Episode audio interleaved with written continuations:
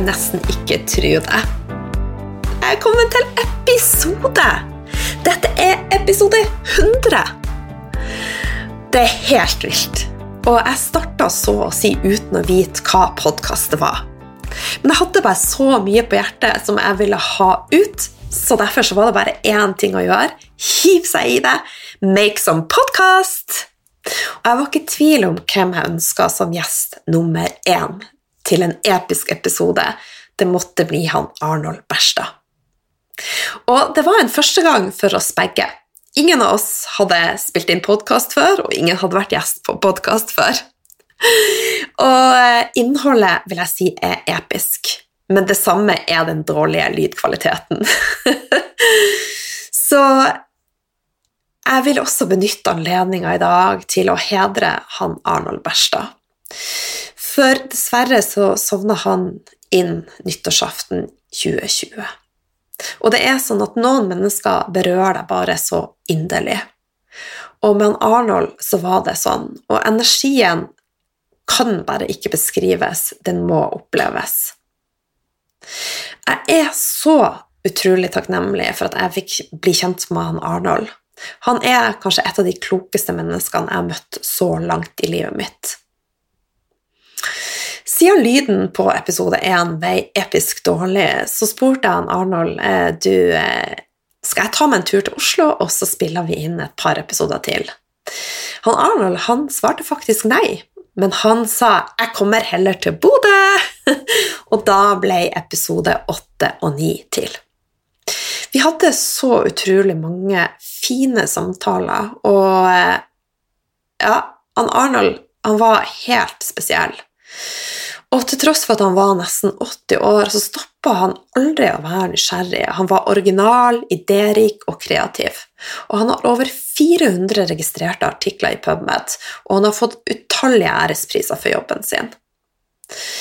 Frem til 2019 så holdt han også foredrag og fortsatt, som en pioner på sitt område, og han hjalp utallige med IBS, ME og andre plager. Så tusen takk for alt, Arnold, og hvil i fred. Så fra episode 1 og han Arnold til episode 100. Jeg visste at jeg ville ha med meg et fyrverkeri som kunne motivere og inspirere, men jeg visste ikke hvem. Men jeg er blitt ganske flink til å senke skuldrene og tenke at det ordner seg, og den rette personen vil dukke opp.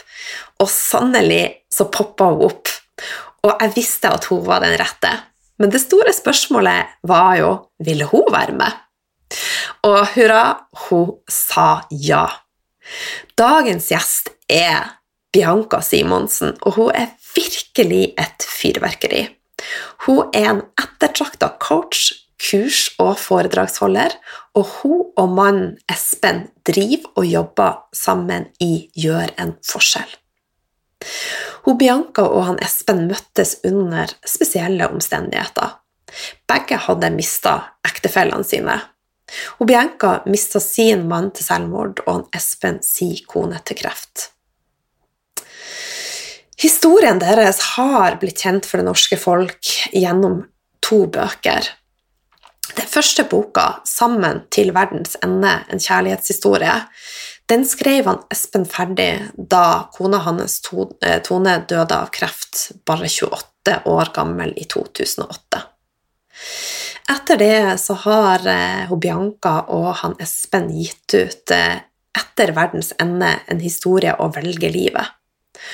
Og glede til en episode propp med motivasjon og inspirasjon. Og dette er virkelig en sterk historie, og dette er en episode også med ei sterk kvinne som har så mye klokt å bidra med. Og jeg vet allerede nå at jeg kommer til å høre denne episoden flere ganger, for at det er så mye som jeg kommer til å ta med meg i mitt liv i forhold til det å eh, ja, relasjoner, i forhold til det med egenkjærlighet, i forhold til det med egenrespekt. Virkelig, virkelig en episode 100 verdig. Så gled deg! Før vi hopper inn i samtalen, så vil jeg bare tips om at på mandag den 18. januar så har jeg et gratis webinar om hormonell balanse og feminin syklus. Så jeg legger med en link til notatene, og så håper jeg å se deg. Hjertelig velkommen, Bianca. Så utrolig hyggelig å ha deg med på episode 100! Juhu! Så utrolig stas. Det er liksom jubileumsutgaven. Ja. Ja, så Jeg føler meg litt sånn ekstra glossy jeg nå, rett og slett bare i kraft av å være en del av episode 100. Og for en, for en bragd! Ja. ja 100 episoder. Jeg var veldig fornøyd med det. For at når jeg starta podkasten, så var det bare noe jeg gjorde. Det er liksom typisk meg. Just do it, og så blir det så det blir. Eh, så 100, det er en bragd. Ja, det er, eh, Og jeg vet jo litt hva det krever. Eh, mennesker som er glad i podkast, har det jo veldig tilgjengelig, og det er liksom veldig mange sjangre å velge mellom der ute. og det er, det er liksom, det er jo på telefonen. Men Ja. det er jo litt som når man har pusset opp et helt hus, så ser man jo ikke alltid jobben som ligger bak.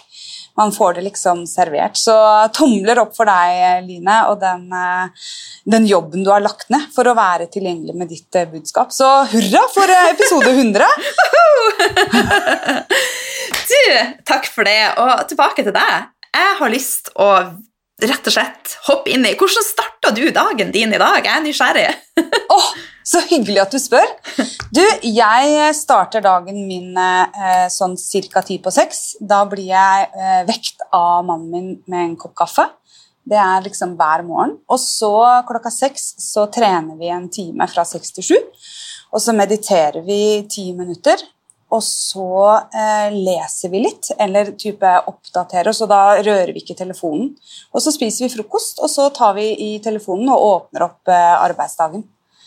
Så den er ganske strukturert. Vi har hatt mor morgentrening, som det heter hos oss, i, i ni år sammen med tvillinggutta våre. Nå er de 19, da, men eh, når de var 11, så begynte vi med det. Trenet Fantastisk. én time hver morgen fra 6 til 7. Ja, og det er jo min perfekte start på morgenen. Ah. Hva dere trener da? Er det litt forskjellig? Ja, vi har, eh, vi har på en måte et sånt oppvarmingsprogram som vi gjør bare på, på matter alle sammen, for å liksom varme opp kroppen. Og så er det forskjellige programmer. Gutta driver og, og løfter litt vekter, vi har liksom pull-up-stang, vi har mye av utstyret hjemme, så vi trener jo hjemmefra. Mm. Eller så løper vi oss en tur, eller så har vi liksom individuelle, individuelle øvelser. Og så er det en avspenningsdel med, med litt sånn stretching og yoga og pust og sånn, og så avslutter vi med meditasjon sammen. Å, så fantastisk. eh, ja, det, og jeg er ikke noe sånn, jeg er verken morgenfugl eller spesielt glad i trening. Det må jeg bare si, men vi har etablert det som gode vaner, og nå når jeg ikke gjør det, da kjenner jeg et ekstremt sånn savn etter å ha, ha gjort det. Mm. Så jeg har liksom begynt å, å like det. Men eh, jeg er veldig strukturert på hva jeg bruker tida mi på, på på morgenen. Og det å bare ikke ta i telefonen, f.eks. Ingen av oss gjør det før vi har spist frokost. Mm. Og det å være klar for å ta inn verden, det, ja, det Mm. er for meg den beste måten. Ja, jeg er helt lik, men mannen min er totalt motsatt. Han er sånn Yes, give it to me. Bring it on. Nyheter, sosiale medier. Så vi er jo forskjellige, og han er på en eller annen måte så har han det fint. Så, mm. Men for meg hadde det vært helt utenkelig. Så eh, Og der er vi jo ulike alle sammen, og det er jo ikke noe fasit. Folk blir jo ofte litt sånn satt ut når, de, når, de liksom, når jeg forteller hvordan vi starter, og at vi alle fire har gjort det nå i alle disse årene.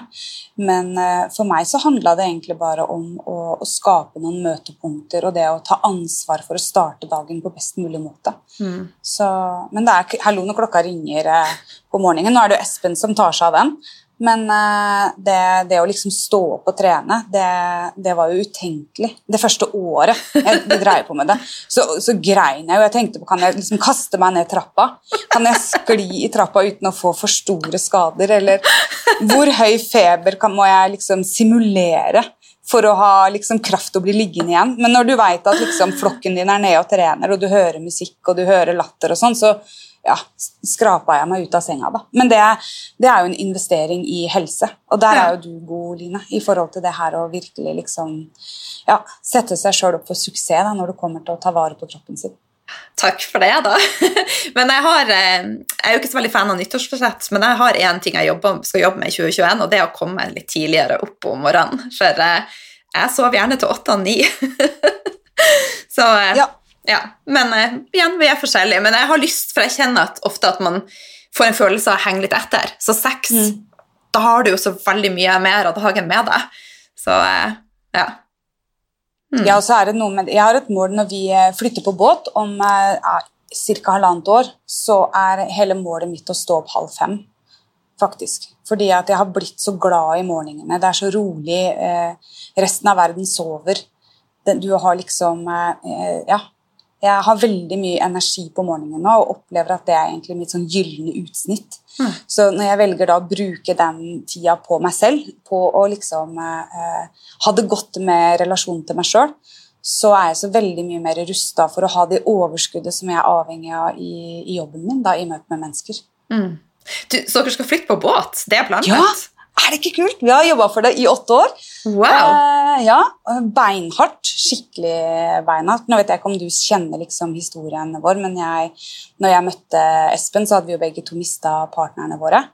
Eh, jeg i 2006, hvor mannen min tok livet sitt, og Espen mista kona si, Tone Elisabeth, i kreft i 2008. Så vi var jo ganske unge Mm. i det å ha mista den vi elska. Eh, og når jeg blei kjæreste med Espen, så viste det seg at han hadde en, en, eh, en utfordring i livet sitt. Han hadde nesten 1,8 millioner kroner i inkassogjeld. Som følge av å ha levet da selvfølgelig med Tone i fire år. Hun var kreftsyk, han var selvstendig næringsdrivende. De, de gjennomførte noen drømmer som var helt fantastiske for, eh, for dem begge. Som en avslutning, selvfølgelig. Men han var litt sånn dårlig økonomisk eh, stilt eh, når vi møtte hverandre. Og da blei vi veldig sånn tydelige på hvem er vi, og hvor skal vi sammen. Eh, og da fant vi ut begge to at jeg trenger å ha sol i livet mitt. Jeg er to forskjellige utgaver, eh, avhengig av været. Eh, jeg er en sinnssykt bedre utgave av meg sjøl når det er sol. Jeg også! Ikke så sjarmerende når det er kaldt og jævlig og mørkt. Jeg blir grinete av det.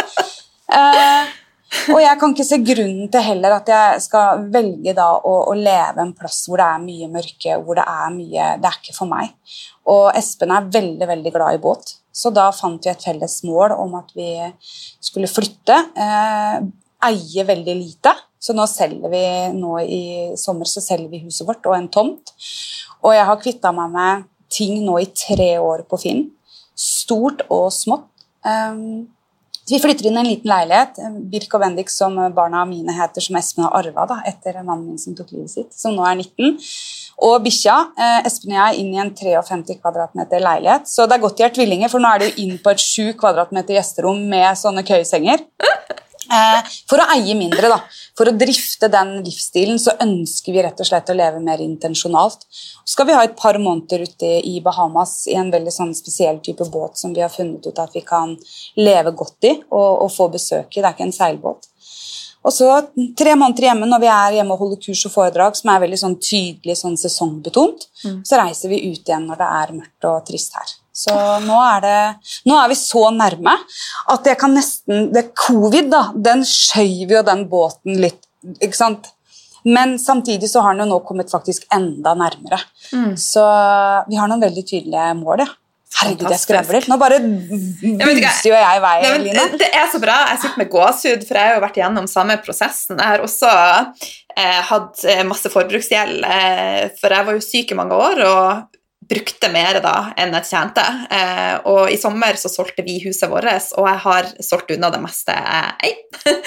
Så, eh, og planen vår er jo også å komme oss litt til varmere strøk. Så eh, ja. Så utrolig! Kanskje vi møtes, Line, litt sånn vi har, i, I Gjør en forskjell, da, i firmaet vårt, så har vi en, en visjon at det skal være et firma hvor vi ikke trenger å ta ferie fra.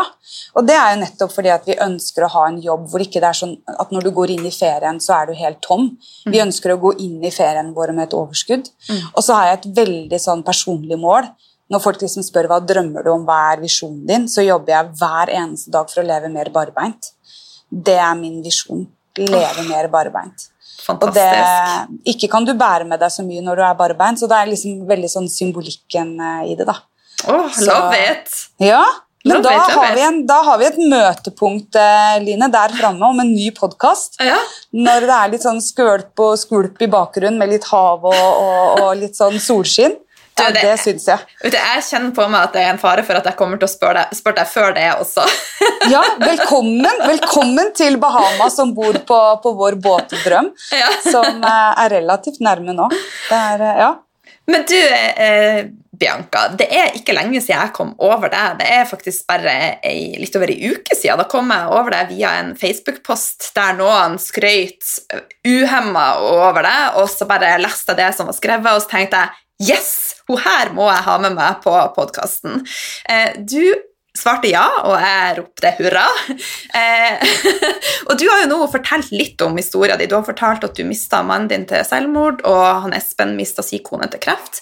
Men fortell oss litt mer om deg, Bianca, de reiser, og hva som gjør at hva, hva, Så nå er jo du og mannen din da firmaet Gjør en forskjell, så fortell oss litt. Dra oss med.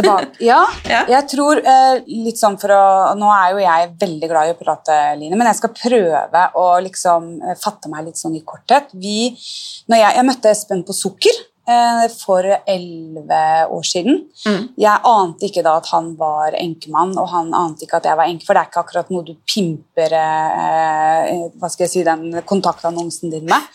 De fleste styrer jo unna sånne som oss. Eh, så det var egentlig veldig sånn tilfeldig, eller tilfeldig. Jeg valgte egentlig Espen fordi jeg syntes han var utrolig kjekk. Jeg, og det er han enda. Jeg syns han er dritkjekk. Jeg våkner om morgenen og bare fy fader. Og det hjelper jo når du, når du blir lei av gubben, at han er kjekk. Det, det, det, det tilfører jo noe på en måte. Men han, det var noe med han som jeg liksom falt for. Eh, og så hadde jeg lært det med sånn nettdating, at det å snakke veldig lenge med en fyr, og så møtte du den, og så var det ikke kjemi, det var litt bortkasta. Så jeg blei litt sånn Og jeg hadde jo to små gutter. Mm. hadde vært singel en stund, sto stødig sjøl og var klar for og ønska virkelig å elske igjen. Eh, og var veldig sånn selektiv på hva jeg ønska meg for framtida i, i, i relasjonen min til en mann. Hadde gjort liksom jobben med å finne ut hvem er Bianca nå. For når Tore døde, så opplevde jeg på mange måter å, å, å miste han og kjærligheten og alle våre drømmer og pappaen til gutta. Men jeg mista jo også meg sjøl. Og det var kanskje det vanskeligste av alt. Det å ikke vite hvem jeg var. Eh, Så jeg gjorde jo veldig en sånn mental jobb for å ruste meg. Da det er beskrevet veldig sånn inngående i, eh, i boka som Espen og jeg skrev. Men eh, jeg opplevde veldig å ta ansvar for mitt eget liv, eie det som hadde skjedd meg. og skape et nytt liv for meg sjøl. Og den jobben er jo lang, det vet jo Line. Den, det der å reise seg etter en rystelse og gjøre det skikkelig, det er en drittjobb. Det er ingen måte å pynte på det. Det er en dritjobb. Eh, og den pågår lenge, men gjør du den skikkelig, så varer det fundamentet livet ut, uavhengig av hva som treffer deg etterpå. Mm. Så når jeg da møtte Espen og forsto at han også hadde hatt eh, en ordentlig ned, nedtur i livet, og, og også han sto stødig når jeg traff han, så blei jeg først veldig betatt av hans reise eh, sammen med Tone. Eh, og Tone var jo egentlig den som starta nettstedet Gjør en forskjell i de fire årene hun var kreftsyk. Hadde veldig veldig mye publisitet, var veldig mye media i hennes eh, reise. Så jeg pleier å si at uten Tone Elisabeth så hadde ikke Espen vært interessant. Det er på mange måter henne som har forma han til den mannen jeg elsker i dag. Så, så det blei oss, Espen og jeg, og så eh, fant vi ut at vi hadde gjort veldig mye av den samme jobben mentalt, men ulikt. Både fordi at vi var mann og kvinne og kom fra ulike plasser og hadde litt sånn ulik historie. Men det var liksom noen fellesnevnere på hva vi hadde gjort, og det var det ansvarlige perspektivet. Eh, og så var det en, et forhold til det å forstå sin egen verdi. Um, og det å sette seg sjøl høyt nettopp for da å kunne bety mye for andre. Så vi hadde med oss noen sånne likheter. Og så blei vi jo et par. Eh, og siden den gang så har de elleve åra med Espen nå har rett og slett vært et eventyr.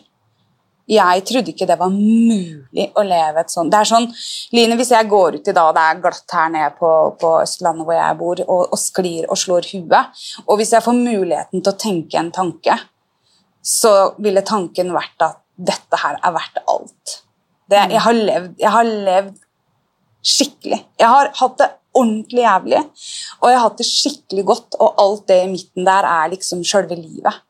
Så de elleve åra med Espen de, eh, Men det har vært jobb, selvfølgelig. Vi er jo ekstremt eh, opptatt av å skape parforholdet vårt. Vi er veldig forskjellige.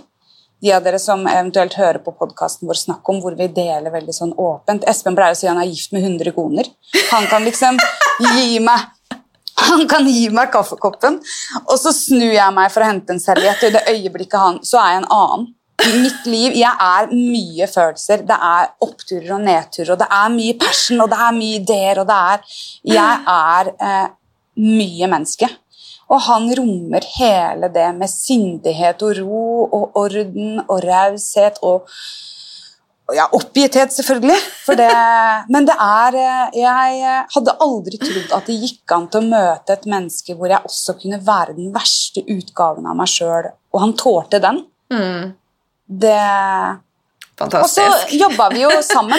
Vi jobba liksom med det samme litt på hver vår kant. Han Ja. var ansatt i Forsvaret når jeg møtte han.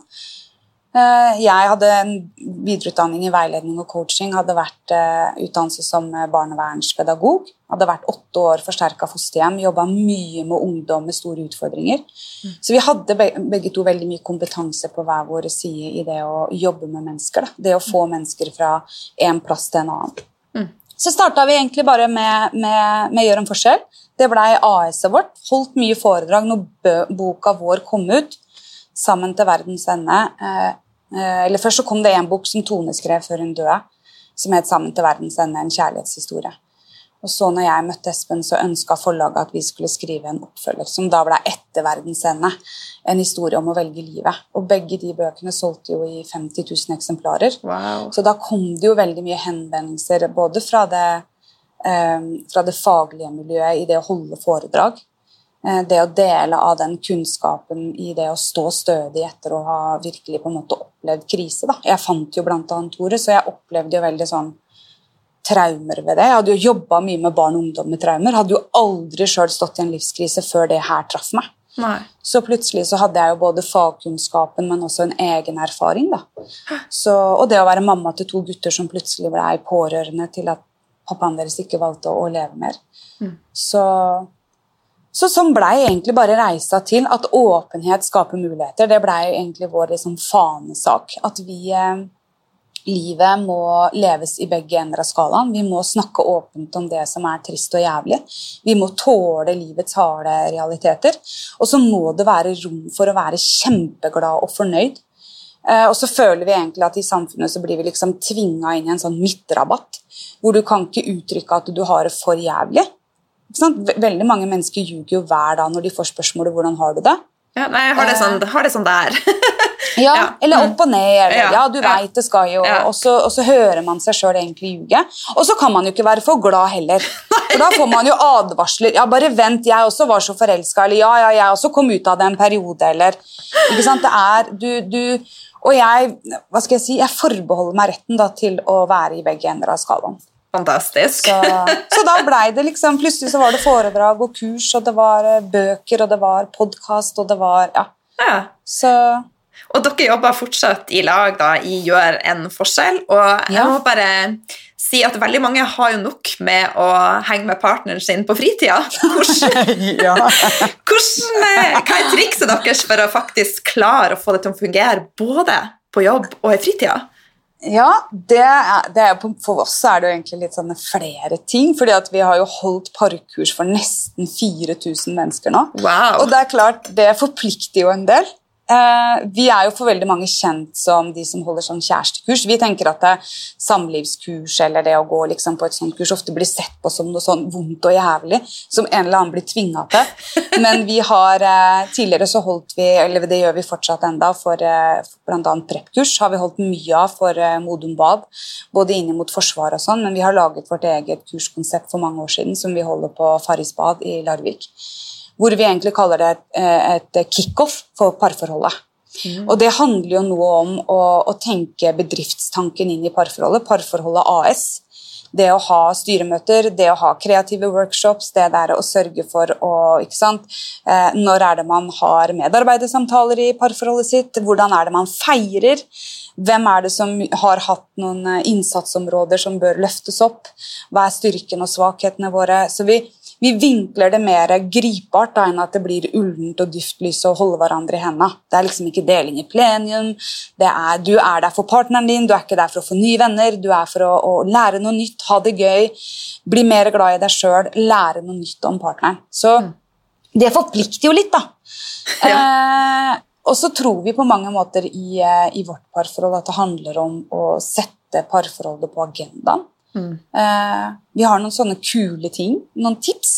For eksempel Hver mandag så har vi noe som heter Mandagskortet, som først og fremst er en sånn bedriftsinternt møte. Men det avsluttes alltid med en, eh, en, eh, en refleksjon, som er at eh, Og vi, vi, vi, på, vi, sier ikke noe på hva den andre kommer med, men den, den er som, som det her. Jeg deler hvordan har jeg møtt opp den uka her som kjæresten din. Hvordan har jeg møtt opp den uka her som kollegaen din? i og med at vi jobber sammen med? Hvordan har jeg møtt opp den uka her som mamma? Og hvordan har jeg møtt opp for meg sjøl? Og da kan jeg for eksempel, Når jeg snakker om hvordan har jeg møtt opp som Espen kjæreste, så kan jeg si at den eh, uka her så har jeg ikke vært så veldig tålmodig med deg. Jeg har sett at du har trengt meg eller hatt behov for å lære meg noe. Ehm, Jeg ser at der, der har jeg liksom vært litt ufin. Eller jeg kan si at eh, som kjæreste denne uka her så har jeg virkelig litt sånn holdt meg litt i skjegget, eller jeg, jeg inviterte deg med på en date, eller Og så eh, kommer ikke han med innspill på det jeg sier, han bare hører mine refleksjoner, og så kommer han med sine tanker. Og så er vi ferdig. Så det er et møtepunkt hvor jeg, Ja, for da blir jeg klar over egentlig hvordan har jeg vært som kjæreste denne uka her. Uten å bli holdt ansvarlig av det, at han sier ja, fy fader, det helt, var helt jævlig, eller nå burde du ta Jeg får liksom muligheten til å, å snakke meg gjennom det med at jeg veit at han lytter uten å skulle være kritisk, da. Så det er et enkelt tips. Eh, å møtes eh, en eller annen, ha et møtepunkt. Og hvordan har jeg møtt opp denne uka her som kjæreste? Og hører du deg da på 52. uke si at eh, nei, jeg har, ikke, jeg har egentlig ikke hatt kapasitet til å være kjæresten din, så bør du ringe noen bjeller. Men dette Så- gjør dere hver mandag. Hver mandag, ja. Ja. I arbeidstida, da, eller eh, Ja, ja? Er, ja, vi har lagt det inn i arbeidstida vår som, fordi at vi både også snakker om det kollegiale og som foreldre. Og Da får jeg litt sånn innsikt i Espens forhold til sin foreldrerolle til gutta, som han har tatt nå i elleve år. Så da liksom reflekterer han over at ja, ja, denne uka her med Birk så følte jeg virkelig at jeg klarte å holde tilbake selv om jeg ble litt irritert, og det var jeg glad for. For det viste seg jo at jeg tok feil, eller Ja. så, så da får jeg liksom læring av hans refleksjoner i forhold til sin foreldrerolle, eller ja. Det er kjempenyttig. Jeg blir så inspirert. Eh, men er dette noe du tenker at alle parforhold bør prioritere, og faktisk sette av faste holdepunkt for kommunikasjon? Jeg tenker jo at eh, kommunikasjon er relasjonen. Ja. Sånn at, eh, og kommunikasjon kan man øve på. Og har man en ut, veldig mange par, Det er liksom stereotypisk. Veldig mange damer sier at 'jeg får ikke mannen min til å prate', eller 'han vil ikke dele følelser', eller 'han vil ikke eller vil ikke'. Og så er vi veldig der når det kommer sånn rent faglig da, til det her, at eh, vi har begge to et ansvar for å skape en trygg arena å kommunisere. Og det er nok utgangspunktet for veldig mye misforståelser når det kommer til kommunikasjon og par. Det er at en opplever det ikke trygt. Opplever det ikke trygt å si noe. Eh, Så det handler jo på mange måter å øve. Jeg vil jo anbefale Fuelbox. Hvis ikke du har hørt om Fuelbox, eh, Line, så er det et fantastisk verktøy. Det er rett og slett en liten firkanta boks med 180 åpne spørsmål Wow. Innafor ulike kategorier, hvor du bare trekker et kort. Du får også i dag tak i en app på fuelbox.no, hvor du får da en app på telefonen hvor du kan eh, ta opp spørsmål, sånn at det ikke er jeg kommer ikke til bordet med noe jeg tenker vi må prate om. Det er liksom boksen som bestemmer eh, tema. Eh, og der fins det enormt mange forskjellige typer bokser. Vi, vi, eh, når man kjøper kurs hos oss, så får man med en, eh, en boks. Eh, og i medlemskapet vårt så får man den digitale utgaven. Nå holder Espen og jeg på med en engelsk variant, for vi skal jo flytte på båt og også drive med mye formidling i utlandet, så vi øver på engelsk. Og da, eksempel her, da, som er Love and Belonging, som er ett kort Vi har med en sånn hver dag til frokost nå. Der står det What is toxic, toxic love? Og så drøfter vi det på, på engelsk. Uten å, å, si at noe er rett og galt, men rett og slett gi hverandre innsikt. Da.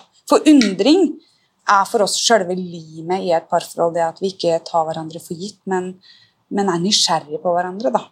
Men det krever øvelse. Vi er ikke et unikt par. Og vi er jo veldig der at parforhold som er gode, er ikke fraværende av problemer. Problemer er en del av det å være i et parforhold i større og mindre grad. Mm. Men det å Er kommunikasjonen i parforholdet godt, så er eh, parforholdet godt. Det var et bra resonnement. ja. Ja. Og det kan man øve på. Så jeg tenker uansett hvor crap man har det, eller uansett hvor godt man har det, så tenker jeg at det er kommunikasjonen som er linken mellom deg og meg som menneske, om det er i, i parforholdet vårt eller i jobben eller med en venninne eller foreldre. Er kommunikasjonen god, så oppleves relasjonen som god. Mm. Da har vi konkludert med at kommunikasjon er kjempeviktig for å få et forhold til å fungere. Har du andre gode tips Bianca, til eh, hvordan vi kan få et forhold til å ja, blomstre? Jeg tenker at det, det må være plass til begge to. Mm. Eh, Vi, vi kan ikke være hverandres alt. Og nå er det jo viktig at selv om vi har hatt enormt mange par på, på kurs, så er ikke vi eksperter på parforhold. Vi er ekspert på vårt eget. Eh, og for meg så handler det om at Espen kan ikke være mitt alt. Og jeg vil si at kanskje den viktigste suksessfaktoren for oss, det er det at jeg vet, selv om Espen eh, kanskje skulle dø før meg, så vet jeg at jeg er i stand til å kunne skape meg et godt liv også etter han. Og det er kanskje for mange litt sånn eh, brutalt å høre. Eh, men for meg så er det viktig at han er en jeg velger, fordi at han gjør livet mitt bedre. Han gjør meg bedre. Han tilfører livet mitt noe som, som jeg ikke har uten han. Jeg trenger ikke han for å leve godt, men jeg velger han. Og det, det er klart, det, er, eh, det har vært en lang reise å komme dit. Men jeg trenger ikke Espen for å leve godt, men han gjør livet mitt vidunderlig. Det må jeg bare si. Mange ganger så jeg tenkt skulle klone den. Eh, moren til Espen har, hun har en bror, eh, hun har en bror og, og, og jeg har liksom tenkt mange ganger at hvis det Ja, han skulle vært klona. Espen er det fineste mennesket jeg vet om. Åh. Og det Ja. Åh, hører du, Espen? Jeg regner, jeg regner med du forteller, forteller han det jevnt og trutt, så Og det vet han, fordi at han har eh, Jeg vet ikke om du har hørt om kjærlighetsspråket, Line? De fem kjærlighetsspråkene av Gary Chapman. Ja. Ja, Espen har anerkjennende ord. Så jeg er veldig flink til å fortelle han at han er betydningsfull for meg, og hvordan han er det. Jeg har tid, så han er litt mer uheldig. Han må investere litt mer eh, i, i meg for at det, skal treffe skikkelig. Ja. Men eh, det Ja. Jeg er flink til å fortelle ham at han betyr eh, mye for meg. Men han vet også at han er valgt fordi at han gjør livet mitt bedre. Ikke fordi at jeg må ha han eller er redd for å være aleine eller ikke vet hvordan jeg skal få ting til å fungere uten han. Mm. Så, men jeg tror det viktigste er at eh, gode parforhold de blir ikke til av seg selv, de må skapes. Og da med liksom fokus på å skape. Det er, eh, det er viktig. Gresset er grønnest der du vanner det, rett og slett. Så sant. Det ja. Bedre tips enn det får vi ikke. Men du, eh, du sier at den største avstanden mellom mennesker ofte er misforståelser. Eh, Ja. Så hvordan kan vi bli flinkere til å komme oss forbi denne fasen der vi og Ofte så blir det sånn da at vi ikke tør, og så holder vi igjen, og så går vi og, og synser og tror, og så videre, plutselig veldig dårlig stemning. Så mm. ja, hvordan kan vi løse det? Jeg tror det handler om å øve på undring. Fordi det er mye mindre sjanse for at jeg misforstår hva ditt egentlige budskap er, hvis jeg undrer meg. Ved å stille, eh, så det du mente nå, Line, var at eh, det er større avstand mellom mennesker fordi at ikke de forstår hverandre riktig. Mm. Ikke sant? Det der å, å være god på å virkelig lytte for å forstå, da, og ikke lytte for å svare. Så det å avsjekke liksom, Mente du nå at jeg skulle bli lei meg, Line? Og da får jo du mulighet til å si nei, nei, nei, guri. Enn at jeg bare tenker at å ja, så nå vil du såre meg, og så er det det jeg svarer på. Så Det er jo derfor den sånn som denne fuelboksen, eller det å sette, seg, eh, sette av tid til å snakke sammen, er så viktig. Fordi at hvis vi bare antar hva den andres agenda er, så tar vi så innmari ofte feil. Og det er så mange par hvor de begge to elsker hverandre så hardt, og så er det rett og slett kommunikasjonen det blir krøll på. De misoppfatter, misforstår, ilegger, nedvurderer. Det er eh, Ja. Så jeg, på mange måter så jobber jo vi med magi. Vi er jo den som bare retter ut den knuten. Og så står de der og da og plutselig får en link inn til hverandre. I, å, så det er det du mener når du sier det. Ikke sant? Det er sånn der aha Ja, nå får jeg ståpels. Jeg har fått være vitne til så mye og jeg, Har du lagt merke til Line, hvor mye hår du får når du blir eldre? For nå, nå, nå reiser det seg ikke bare på armene mine, nå reiser det seg hele trynet. Så jeg, får sånn, jeg føler jeg får sånn ståface. Men det er så rart, for jeg la faktisk merke til i dag at jeg hadde fått mer hår, spesielt her i, i med ørefestet. Jeg bare, Hvor Ja. kom, kom det ifra? Da, da må de bare gro lenge nok sånn som meg, så jeg bare fester de den strikken bakpå. Men når du får da gåsehud eller ståpels, så, så vil de da liksom slippes ut. Så det, men men det, er mye, det er mye magi når vi ikke antar det verste om den andre. Og det er litt sånn vi, men Fire av fem tanker er selvkritiske. Mm. Så det er klart vi har også den selvkritiske, eller den kritiske eh, tenkningen i møte med mennesker rundt oss, og spesielt hvis vi er såra eller skuffa eller har vanskelige samtaler. Da. Så Ja. øve på kommunikasjon. Eh, og så ikke minst huske, da, hvis det er mye damer som hører på podkasten din, Line, at det å Sånn som vi jenter snakker, det gjør ikke gutta. Gutta har skulder-til-skulder-kommunikasjon. De står og fisker, de sitter på bar, de spiller PlayStation, de mekker på bil. De har skulder til skulder, vi sitter ansikt mot ansikt. Så hvis du ønsker å gjøre partneren din tryggere og er kvinne, så er det kanskje å invitere til kommunikasjon på den måten han er vant til å kommunisere. Og, og menn kommuniserer ikke noe mindre enn oss damer, men de bruker færre ord, og de bruker andre måter å kommunisere på. Så, så her, er, her er det lett å peke på at, det er, eh, at mannfolka ikke har følelser eller uttrykker dem. Vi må bruke klokskapen vår til å forstå at her kommuniseres det rett og slett på et annet nivå på en annen måte. Ja. Så det å sette seg i bilen og kjøre en tur og ikke nødvendigvis skal stirre hverandre dypt inn i øya eller den, den 'nå må vi prate sammen', det er jo ikke en samtale du tar med deg champagne og jordbær til, liksom. Da møter du opp med rustning og advarsler om 'don't you touch my door', liksom. Ikke nær... Ja, men det, det, det er liksom Så øvelse gjør mester. Og det Ja. Undring. Stille spørsmålet 'fortell meg mer'. Hva mener du med det? Hva tenker du om sånn? Øvelse. Åh, jeg kjenner jeg har lyst til å være med på kurset. Det, her er Ja, det, må, Ja. det er det beste i verden! Ja, nei, det, plutselig så, så kommer vi susende. Men i forhold til eh, parforhold og sånn, så har vi jo prata ganske mye om det. Men jeg tenker at vi skal snart bevege oss over på et litt annet område. Er det noe du vil tilføye i forhold til det med kommunikasjon og parforhold? Jeg tenker vel at hvis man er i et, par, i et parforhold som ikke er godt, så tenker jeg unn deg sjøl noe bedre. Det, eh, og vi kan jo bare endre oss sjøl. Du vil aldri kunne endre partneren din. Og altfor mange av oss har med oss nissen på lasset. Vi, vi skiller oss, vi finner nye, nye partnere, og så ser vi at de samme problemene dukker opp igjen og igjen. Så tenker vi at der var jeg uheldig igjen. Men jeg tenker at da er det noe med å kikke i speilet og tenke at det kan hende at eh, både du og jeg er rett og slett bærere av eh, egenskaper og måter å, å forstå ting på som rett og slett er det som tuller det til. Jeg syns det er veldig mye deiligere i, i hvert fall i mitt parforhold så tar jeg 100% ansvar. Har Espen og jeg det vanskelig, for det kan vi ha, så er jeg 100 ansvarlig for er vi 50% hvilken del av det er hans 50% og hvilken er min. Og, og det å tenke at problemet sitter ikke i meg, og det sitter ikke i han, det sitter mellom oss. Og det å løfte det ut foran oss på bordet, f.eks. Legge det på et ark hvor man skriver hva problemet egentlig er, og jobbe med det i fellesskap istedenfor at det, det er du som er problemet, Line.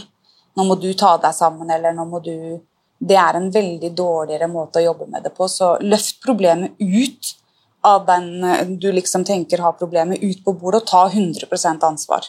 Det, det er vondt og det er vanskelig, for vi har jo lyst til å legge skylda på andre. selvfølgelig. Det er jo mye mer Behagelig. Ja. Ja, ja og det, det er jo forståelig, men det løser ikke den eh, nissen som vi følger med til neste hest også. Nei, det er så sant. Men du, eh, Ja. jeg har eh, i mange år kalt meg sjøl livskunstner. Og så kom jeg inn på sida di, og så fant jeg det fine ordet at du kaller deg hverdagsheltinne. Da ble jeg sånn Wow, jeg har fått et nytt ord! det var liksom enda bedre. Så hva gjør du i hverdagen for å ta vare på deg sjøl? Du har sagt at du trener, og du står opp tidlig, og Men ellers, hva gjør du? Åh, det der kommer jo fra det jeg egentlig jobber mest med. Jeg jobber med kvinner og overskudd, og for meg så handler jo det veldig veldig mye det der å sette seg sjøl høyt. Og ikke høyere, men høyt. På Mm. lik linje med alle de andre relasjonene vi har i livet vårt. Og det å anse seg sjøl som verdifull, det å forstå at du er den viktigste ressursen i ditt liv, har på mange måter vært mitt, eh, mitt styringsverktøy da, eh, i det å reise meg etter eh, Tore døde. Det å anerkjenne at jeg er viktig. Jeg er et menneske som betyr noe. Jeg trenger ikke engang å tenke at jeg er bra nok. Jeg er nok. Eh, Uavhengig av hva jeg presterer. Og det betinger jo også at man tilfører livet energi, fordi at livet tar jo energi. Vi kan ikke alltid styre hva som treffer oss. ikke sant? Man kan skade seg, eller man får en kjip telefon. Men jeg har et veldig sånn ansvarlig perspektiv på hva det skal få gjøre med meg, og hvor lenge. Og jo mer overskudd jeg har, uh, jo eh, bedre håndterer jeg det. Alt i livet mitt uh, er bedre med overskudd. Så hverdagsheltinne er rett og slett en forpliktelse til at eh, livet består av flest hverdager. Og det å ta det ansvaret, da, det å være proaktiv, det å være framoverlent og ansvarlig i eget liv, det er egentlig det hverdagsheltinnebegrepet står for. Det at, eh, at jeg er framoverlent, og jeg tar ansvar for hvordan jeg lever mitt liv. Men hvordan jeg tar vare på meg sjøl, det er, det er f.eks. å høre på podkast. Det å, å ikke alltid må gjøre ting som oppleves fornuftig, men gjøre ting som gir glede. Det er, eh, For meg så handler det om å jobbe med selvfølelsen min er jo ikke bare på en måte ansiktsmasker og duftlys. Det er vel så mye å sørge for vekst. Det å sørge for at jeg hele tida er i en utvikling, og at den prosessen er gøy. Og Mm. podkast er jo et kjempemedium der, Line, i forhold til din, din eh, 100 episoder-liste. Tenk deg hvor mye kunnskap som ligger der, som gir mennesker mulighet til å endre livene sine. Og Ja, det, det- å ha, ja? Og det å ha overskuddet til å virkelig høre på budskapet ditt og, og velge å gjøre noe av det, det er jo der overskuddet ligger. Så det gjør jeg mye av. Den omsorgen som jeg Jeg sendte jo blant annet den eh, podkasten med den Og jeg syns det er så vanskelig å si ayuredisk Ayurveda. Ja, jeg har en venninne som er helt Hun er så opptatt av det at hun, alt hun sier, begynner med det ordet. Så jeg screenshotta den, eh, den eh, episoden og sendte den til henne. Lotta, som hun heter. Og det å ha det overskuddet til å dele også, eh, det er viktig for meg. Så det, det, det er ting jeg Å dele gode ting, det er en, en, en gave til, til å ta vare på meg sjøl. Det å ha det overskuddet til å dele. Og Ja. gjøre det fordi det er godt, ikke fordi jeg må eller bør. Mm. Men da er et liten avsporing. Hva er dine favorittpodkaster? Hva hører du på? Du, jeg hører på en som heter The One Thing, Okay. som er eh, en amerikansk podkast. Jeg har egentlig flere litt sånne ut, men det handler også om at jeg vi kommer til å starte en, eh, en ny plattform på YouTube som heter The High Five Couple. Alltid når vi Espen og jeg har vært på scenen, så driver vi med litt sånn der high five-markering. at vi har levert eller fått til noe. Så The One Thing er en av de. Og så sniklytter jeg på en som Espen hører på, som heter Front Row Dads. Som handler om eh, et amerikansk nettverk som Espen er en del av, hvor, eh, hvor menn først og fremst er pappaer, og så er de karrieremenn. Og det Ah. syns jeg er så sexy. Menn som først og fremst er ektemenn og fedre eller kjærester, og så er de Så jeg sniklytter litt der for å, for å lære meg litt om, eh, om, om undring. Ja. Så, men det er egentlig de jeg hører mest på, som er eh, amerikanske. Jeg gleder meg til å teste ut den første. Den har ikke Ja. hørt om. Nei, The One Thing det Ja. handler om hvil, hva er den ene tingen som eh, virkelig kan endre livet ditt ved at du gjør det hver dag. Wow. Så jeg kan sende deg en, eh, en, en liste. Men det er de jeg oftest hører på. Både Ja. fordi at ved å trene på å høre amerikansk, så blir jeg også bedre på å, å formidle det, rett og slett. Og så hører jeg litt på Opera. Jeg syns eh, hun er inspirerende. Så ja. Det syns jeg også. Jeg, jeg gjorde det samme for to-tre år siden. Jeg kunne ikke snakke engelsk, så bestemte jeg meg for at det skulle jeg lære meg. Så jeg har hørt bare på amerikanske og engelske og australske podkaster. Og nå i vinter holdt jeg min første presentasjon på engelsk. Ja, og så spilte spilt inn to podkaster på engelsk. Så det handler jo om å gjøre de små tingene som bare gjør at man behersker det til slutt. Ja, ja. Så, eh, ja, så vi har mye likheter. Ja, og det, jeg, jeg vil også faktisk anbefale noe som heter The Human Aspect.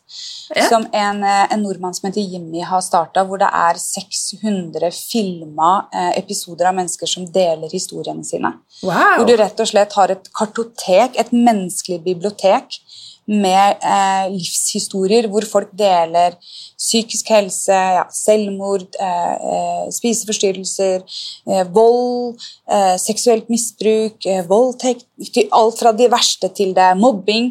Eh, Det er alt du kan drømme om. da. Det er rett og slett et menneskelig bibliotek i historiefortelling, hvor det er veldig styrt i sånn hva var det jeg opplevde, og hva var det jeg har gjort som har fungert for å få det bedre.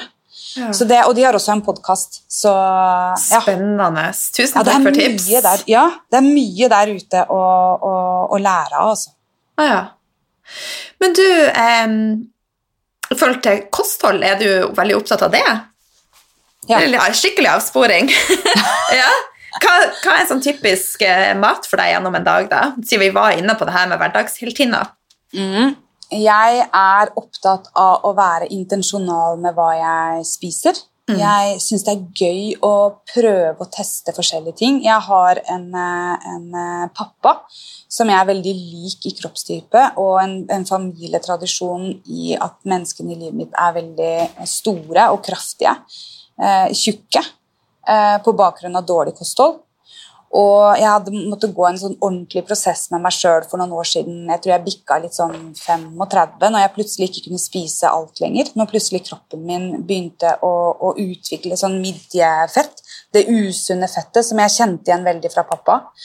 Eh, og aller mest fra at han var så bevegelseshemma. Ikke sant? Han klarer ikke å knyte sine egne sko. Og, jeg, og jeg har egentlig alltid vært veldig glad i kroppen min. Jeg har jo strekkmerker etter jeg gikk gravid med tvillinger. og jeg har I den prosessen når jeg mista Tore, så måtte jeg også bli glad i kroppen min, i verdigheten min, i hvordan jeg så ut. Så jeg har alltid egentlig vært ganske sånn stødig i, i kroppsbildet mitt. Selv om det, det er jo bulk, den har jo levd, den kroppen her. Du vil ikke tenke at den, jøss, den er ubrukt, den kroppen. Du vil tenke at den har vært med på en del. Hadde jeg stått naken foran deg, så tenkte du ja, her kan jeg se en del historier. Eh, men det er noe med når du begynner å kjenne på den usunnheten, og hva den usunnheten der fram i tid da Kanskje vi frarøver meg det å være en aktiv bestemor. Jeg drømmer jo om å bli bestemor. Så, og da gikk jeg inn i en prosess i det å ta grep om kostholdet mitt, for det er virkelig noe jeg føler at jeg kan ta grep om. Så jeg eh, spiser eh, Jeg har ingen type allergier eller utfordringer. Jeg, alt funker veldig bra med min kropp. Så bra. Jeg har ikke noe issues, rett og slett. Har en takknemlig kropp. Men jeg spiser regelmessig. Jeg drikker eh, vann.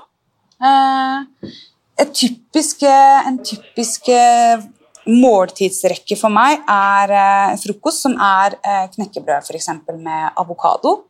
Det kan være bare tomater. Jeg elsker tomater. Det er så godt. Ja, det er ordentlig nydelig. Liker veldig mye grønnsaker. Det kan være havregrynsgrøt, det liker jeg òg. Og så har jeg laget de siste to åra mye sånn kjøleskapsgrøt med chiafrø, hvor jeg blander litt forskjellig med litt yoghurt og sånne ting. Jeg har begynt å bruke mye mandelmelk de siste to åra. Eh, Jeg har, eh, til middag så spiser jeg mye grønnsaker. Har levd nesten som vegetarianer nå i litt over et år. Men jeg spiser intensjonalt kjøtt. Og det betyr at jeg kan ikke bare gå i butikken og liksom være sulten og handle. Må, skal jeg spise kjøtt, så skal det være at jeg har tenkt at jeg har lyst til å ha til mandagen, og gå og kjøpe det og kjøpe bra produkter. Mm. Um, familien min spiser eh, kjøtt. Og så er jeg glad i å faste. Og jeg, synes det er, jeg, er en, jeg er en sjel som er sånn alt eller ingenting. Setter du en godteskål foran meg, så eter jeg den til den er tom. Og jeg blir kvalm, og jeg blir uvel. Eh, og det å være 45 år og, og, og gjøre det gang etter gang, gjør jo det at jeg eh, spiser bare godteri på lørdager. Men da tillater jeg meg å, å, å, å gjøre, gjøre det uten Ja. dårlig samvittighet. Ja. Eh, Og så spiser jeg ofte litt kveldsmat. Enten noen, eh, noen knekkebrød eller litt frukt. eller ja. Så jeg er, best, jeg er egentlig en sånn alt eller ingenting-dame. Det å Takk. skulle liksom spise litt hver dag, det får jeg ikke til. Liksom, jeg ser folk tar ett, når folk tar ett kakestykke, da får ikke hjernen min roa seg, liksom. Fordi at hadde jeg tatt ett, så måtte jeg tatt to. Men det er enklere å avstå. Og der er jeg rå. Jeg er helt rå på å avstå. Eh, men jeg er veldig dårlig når jeg først har begynt. Da, jeg tror jeg har et gen jeg, som handler om eh, ja. Takk som deler. Men du, eh, det med egenkjærlighet altså Jeg har jo innsett at det er ekstremt viktig. og Jeg har hatt spiseforstyrrelser i ja, 25 år, eller noe sånt, og jeg skjønte jo etter hvert at det, det var mangel på egenkjærlighet. Og også det med grensesetting. Så hva er dine beste tips til å styrke egenkjærligheten? Jeg tror det handler om å kanskje dele opp egenkjærligheten i to deler. og Først er det viktig å holde selvtillit utenfor, for selvtillit handler jo om hva du presterer og hva du får til der ute. Kanskje god på skolen, god på jobb, god til å trene. Eh, selvfølelsen handler om den følelsen du har rundt deg sjøl uten prestasjonene dine. Eh, og selvfølelsen igjen pleier jeg å dele opp i to. Det er det, den, den fysiske selvfølelsen i forhold til kroppen din, type den, det huset du bor i. Er det et hus du er stolt av? Er det et, et restaureringsprosjekt? Er det ofte eh, Skifter man interiør inni der? Steller man med det? Er man glad i det, eller lar man det bare forfalle? Og så er det den mentale biten av det huset som liksom er sjelen i huset. Når du kommer inn i et hus, så kan det se ganske sånn skavanket eller ha, ha eh, særegenheter, ikke sant? Men man kjenner med en gang om å her er det godt å være. Og det handler jo om relasjonen til deg. Trives du i ditt eget selskap? Og jeg pleier å si at den relasjonen du skal være lengst i, er jo relasjonen til deg sjøl. Så, så jeg pleier liksom å dele den selvfølelsen i kropp da, og sjel. Så for meg så, så jobber jeg litt sånn aktivt med begge to. Det er, det er som trening. Du må trene den mentale bevisstheten i forhold til egenkjærlighet. Og det handler jo om å nummer én ha jobba med seg sjøl. Hvilke grenser er det jeg må ha for å ta vare på den eiendommen her, da, hvis man kaller det det. En, et, et hus har jo vanligvis et gjerde.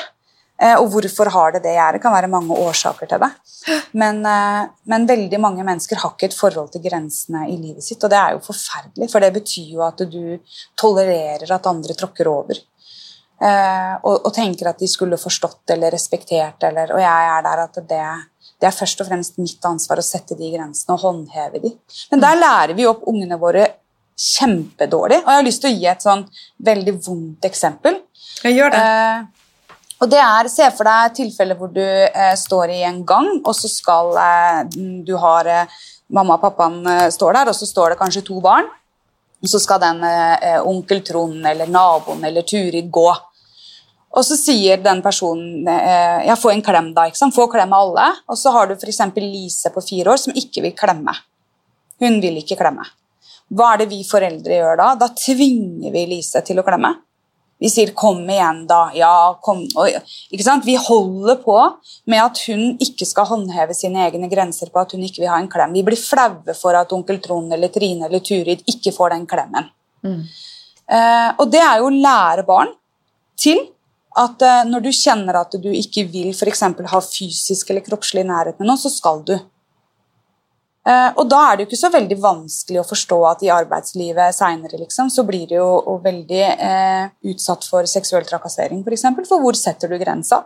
Du er jo vokst opp med at ubehagelige eh, tilnærmeligheter de, de har du ikke lært å få respekt for nei-et ditt. da. Så her er det jo eh, Vi er så redd for å såre andre med å sette grenser. Og der tenker jeg at mitt bidrag til verden er å skape robuste relasjoner også til seg sjøl. Vi må slutte å unnskylde oss når vi snakker eksempel, i et møte. Så veldig mange kvinner starter med å si 'unnskyld'. Du, unnskyld, jeg har noen tanker her. Det er sånn, Unnskyld sier man jo når man har gjort noe gærent, men hva skjer med å begynne å unnskylde seg? Du gir deg jo sjøl ikke kredibilitet, hvis du forstår meg. Du, unnskyld meg, jeg har nødt til å si nei til den avtalen. Og jeg blir sånn derre Kutt ut! Vi må slutte. Eh, så, men ja, nå begynner jeg jo rett inn i kjernegreiene mine. Da stopper jeg jo ikke å prate, Line. Må, Det går ja. helt fint. Fres på, altså. Ta, jeg er jo litt sånn Vi må øve på å si nei. Når folk forventer mer enn det du kan levere, så må du si nei. Vi må normalisere å si nei, ikke fordi vi er egoister. Veldig mange av de jeg jobber med, er jo så langt fra egoister som det går an til. De blir jo utbrent, for de er i helt andre eh, arenaen av det. Så vi må, vi må sette grenser, men vi må også ta prosessen og kjenne til hvilke grenser har jeg, og hvorfor har jeg de grensene. Men folk, folk setter seg ikke ned og, og, og, og jobber med grenser. De, de er liksom bevisstløse. De, det er liksom Vi blir ofte utsatt for ubehagelighet. Vi blir kanskje konfrontert med det i møter eller eh, si, si du er på en arbeidsplass, og så kommer lederen din inn. bare for å sette liksom ansatt leder. Så sier lederen din du, kan ikke du sende den mailen og ordne med, med, med Anne Karin det og det og det. Og så er det en haug med ja-mennesker. ikke sant? Det er jo de samme menneskene som blir spurt hver gang, de som sier ja. Eh, Så hvis du sier ja da, så er det jo en utfordring, for det er jo ikke sånn at ikke du har ting å gjøre fra før. Så da er liksom mitt forslag istedenfor å si ja, det kan jeg gjerne gjøre, hva skal jeg da velge bort av det jeg allerede har? Det, det er en helt legitim eh, måte å svare på. Selvfølgelig skal jeg hjelpe deg, men hva skal jeg da velge bort? Wow, bra tips! Ja, For hvis du ikke velger bort noe, så velger du egentlig bort deg sjøl, og det er jo ikke bedriften tjent med på sikt. Nei, overhodet Så ja, nei, det her er det der eh, damer Vi må nødt til å, å forstå at ved å bli kjent med våre egne grenser og håndheve dem, så blir vi mer robuste og vi har mer å tilby i alle relasjonene våre.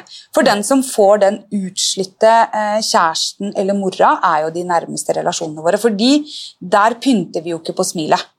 Der later vi jo ikke som at vi har det bra. Ikke sant? De får den. Så det er en jobb å gjøre, men det er, det er som fysisk trening. Det går an til å trene på det, eh, men vi må trene. Mm, For hvis ikke du gjør det du veit, så er ikke det du veit, verdt en dritt. Sant, sant.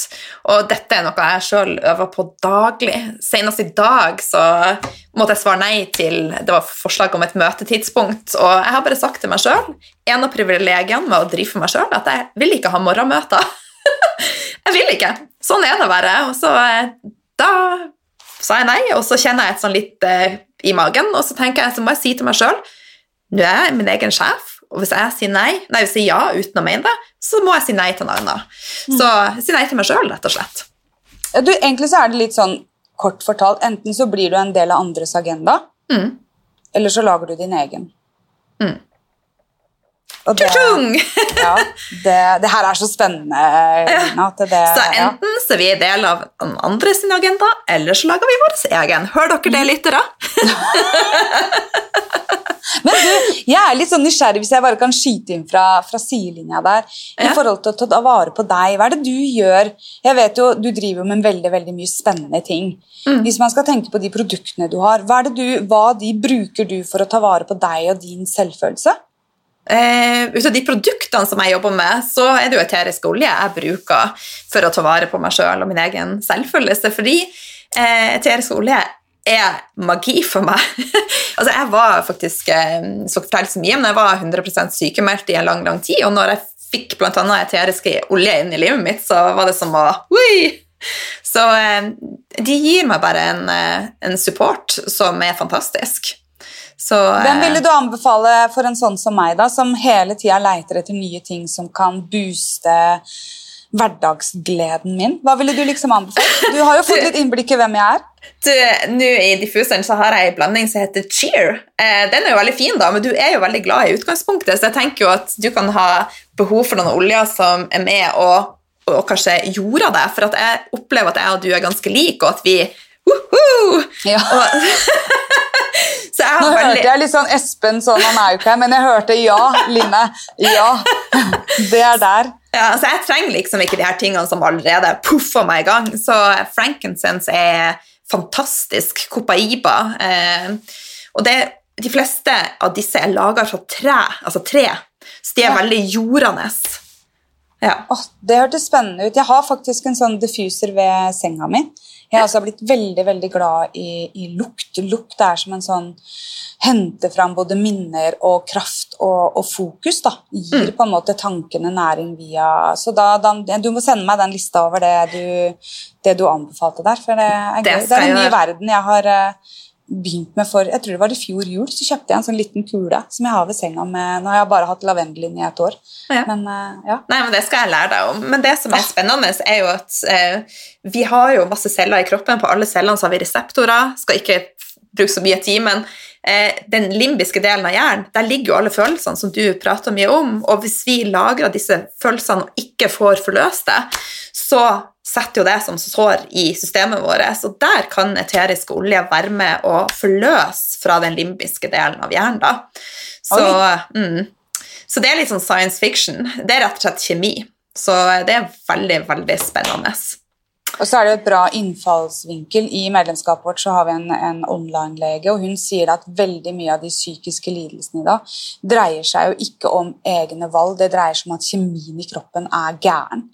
Ikke sant? Det er ting inni som ikke er eh, i orden.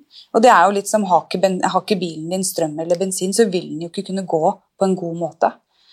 Så, så der er det jo eh, mye å hente, og ikke gå rundt og tenke at man er mørk og har mye personlige issues, liksom, men at det faktisk kan være sånn som du sier. da. Rett og slett å hjelpe systemet til å rense seg sjøl og, og, og, få, og på en måte skape et bedre miljø innvendig. Absolutt. Og det trenger vi mye av. Ja. Det gjør vi. Du, du har sagt det allerede, men den, den relasjonen som vi skal være lengst i, er jo forholdet til oss sjøl. Så eh, jeg sitter med en følelse at mange kanskje egentlig ikke kjenner seg sjøl så godt, eh, og at vi er et stykke unna det som jeg vil kalle kjernen, da. Hva tenker du at vi kan gjøre for å komme nærmere oss sjøl, bli bedre kjent med oss sjøl? Det enkleste, det enkleste tipset der jeg ofte bruker når jeg begynner å jobbe med mennesker, er å stille deg sjøl spørsmålet 'Hva trenger jeg nå?' Ofte i løpet av dagen. Helst fire ganger om dagen. Legge inn en varsling på mobiltelefonen. Eh, sånn at når den ringer, at du faktisk stopper opp der. Og det kan du liksom, du kan gjøre det på do. Du kan, alle har tid til å stille seg sjøl spørsmålet 'Hva trenger jeg nå?' Og jeg gjør det fortsatt i mitt liv, selv om jeg føler at jeg er på en god plass. For det handler om for eksempel sånn som når jeg snakka med deg nå, hvor jeg har mye spenninger og har mye sånn glede. og sånn, Jeg får jo energi av deg, Line, og kjenner at jeg kunne snakka med deg fem timer i strekk. Og da er det noe, Hvis jeg stiller meg det spørsmålet nå, hva trenger du nå, Bianca, så er det egentlig å puste. Og egentlig liksom eh, ja, grounde meg sjøl litt, eller drikke litt vann. Mange mennesker eh, går jo ikke på do, de går jo og holder seg, de spiser ikke. De trekker ikke frisk luft, de, de strekker seg ikke. Så det å 'hva trenger jeg nå?' har vært et spørsmål som ofte får deg nærmere deg sjøl. Både for å bli visst på hva, hva trenger jeg Er det å lukke øya? Er det å, å ringe noen jeg er glad i? Er det, ikke sant? Ikke, det oppleves i hverdagen som at alt er like viktig. Fordi at dagen er en eneste stor saus. Så det å gi seg sjøl de brudda, det er en god plass å starte. For ved bare da å trekke pusten eller gå ut og ta litt luft eller spise, så kommer du nærmere på dine egne behov. Og etter hvert så vil du kunne bygge deg et, et form for overskudd da, som gir deg overblikk på de andre tinga. Hva er det som gir meg glede? Mm. Hvordan kan jeg nå, hvordan kan jeg nå tilføre livet mitt mer glede? Og da kommer man jo ofte dit at man får lyst til å dele. Du har overskudd til å sende en melding, eller har du Mm. lest den boka, eller ja. Mm. Eller du har Så- hørt den podkasten, eller ja. Har du hørt hun Line? 100 episoder! Og den siste, den er Nei da. Det med fyrverkeriet Bianca! Men det er sånn med fyrverkeri at det går ofte an med et smell og kan være irriterende lyd. Så nå i disse dager så er jo ikke fyrverkeri er jo ikke ensbetydende med positivt. Du vil jo egentlig begrense fyrverkeri. Det er jo miljøsvineri og greier. Så jeg tror vi må finne et nytt ord Line, på det fyrverkeriet.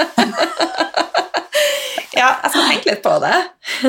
Jeg kan gjerne gå av med et brak også, men eh, det er men jeg tror det, er- jeg tror det er viktig å, å faktisk ha en dialog med seg sjøl. For hvis du tenker at du har en venninne eller noen du er glad i, så stiller du jo ofte det spørsmålet hva, hva kan jeg gjøre for deg nå, hva trenger du av meg nå? Eh, og da kanskje det er venninna di sier at jeg trenger at du bare lytter, eller jeg trenger at du hjelper meg. Så det å stille seg sjøl det spørsmålet, så blir man automatisk mer bevisst på seg sjøl og mer glad i seg sjøl. Veldig gode tips. Du, vi har jo skravla faktisk en time nå, så helt på tampen Er det noe du kjenner at du har lyst til å bare tilføye, og som jeg har glemt å spørre deg om? Og det, øh, Nei. Det, jeg tenker at eh, hvis jeg begynner å prate igjen om et eller annet, så, så, så tar det liksom tar det tid. Eh, jeg føler på mange måter at jeg har, eh, har iallfall formidla det som er, er, viktig for meg, da, i form av egenkjærlighet. Mm. Og det å Er du i, en, i en parforhold, sørg for å virkelig gjøre en innsats, akkurat som du gjør på jobben, eller når du er på trening, eller strikker eller er med venner ta med deg det mindsettet inn i parforholdet ditt og vær ansvarlig for det. Og er det ikke godt, så må du komme deg ut. Mm. Det, det, å være i relasjoner som ikke er gode, det, det ja, der, der, må vi også ta et ansvar. Det starter og slutter med deg. Så ja. Mm. Det er vel kanskje det. Sørg, sørg for å fylle livet ditt med det som er godt. Plutselig er det over. Plutselig så treffer det. Og da bør du være på en best mulig plass og best mulig rusta for å håndtere det. liksom. Mm. Og de dårlige dagene skal leves, de også. Både i parforholdet og med seg sjøl. Skal de, så sånn er det bare. Du, Det har vært så fantastisk hyggelig å prate med deg, og jeg gleder meg allerede til neste gang, for du blir invitert med flere ganger. Jeg håper du har lyst til å være med. oh, veldig, og så må vi jo ha en sånn uh, date nedover i gata der når, uh, når vi har nådd måla våre, å være mer der hvor vi uh, trives. Ja. Så ja, skal invitere deg ned på, på båten jeg, Line, i en eller annen plass uh, i uh -huh. utlandet. Ja. Det er bare, bare gå og pakk! Det er noen år til ennå, men bare gå og pakk. men du, vi har jo ikke så mye å pakke lenger, så det går jo veldig fort. Ja, det er jo faktisk sant. Jeg har faktisk en sånn regel én ting inn, én ting ut, så jeg kan ikke engang kjøpe meg ny neglelakk før det eventuelt da har gått en som er blitt tom, eller en jeg har gitt bort eller, eh, eller liksom kvitta meg med. Da. Love så, it! Det blir bra. Én ting inn, én ting ut. Ja. Men du, hvor kan lytterne treffe deg? De kan treffe meg på Snakko eh, i vår podkast, eller så finner de meg på Instagram på bianca.simonsen, og på Facebook. Egentlig der hvor det er mulig å være, der er jeg, og ta plass. Mm. Så møt opp forberedt. Ha på deg verneutstyr. Nei, det er tull bare. ja. Men helt på tampen så vil jeg bare si til deg som hører på, at eh, gå inn og gi meg og Bianca Husk det er 100 episoder, det er et jubileum. Gå inn og gi oss fem stjerner, for det fortjener vi, ikke sant? Absolutt. ja, Og via iTunes. og så eh, vil jeg jo anbefale alle å sjekke ut podkasten til Bianca og han Espen, eh, for wow, du har mye å tilføre, så jeg gleder meg til å fortsette å følge deg. Så, det er jeg tusen... veldig glad for. Jeg har jo fått meg en ny podkast sjøl nå, jeg som er relativt kjip med tida mi, eh, Line. Og, og, jeg tenker jo også at dere som hører på, fy flate for eh, så selektivt gode dere er å bruke tida deres på Line. Jeg skal jo boltre meg i dine episoder. Så heia fram! Det er den eneste måten å få det til å svinge på, er at eh, du som hører på, løfter podkasten til Line og deler og heier. Å, tusen takk, Bianca, og tusen takk for at du tok deg tid til å være med. Det setter jeg stor pris på.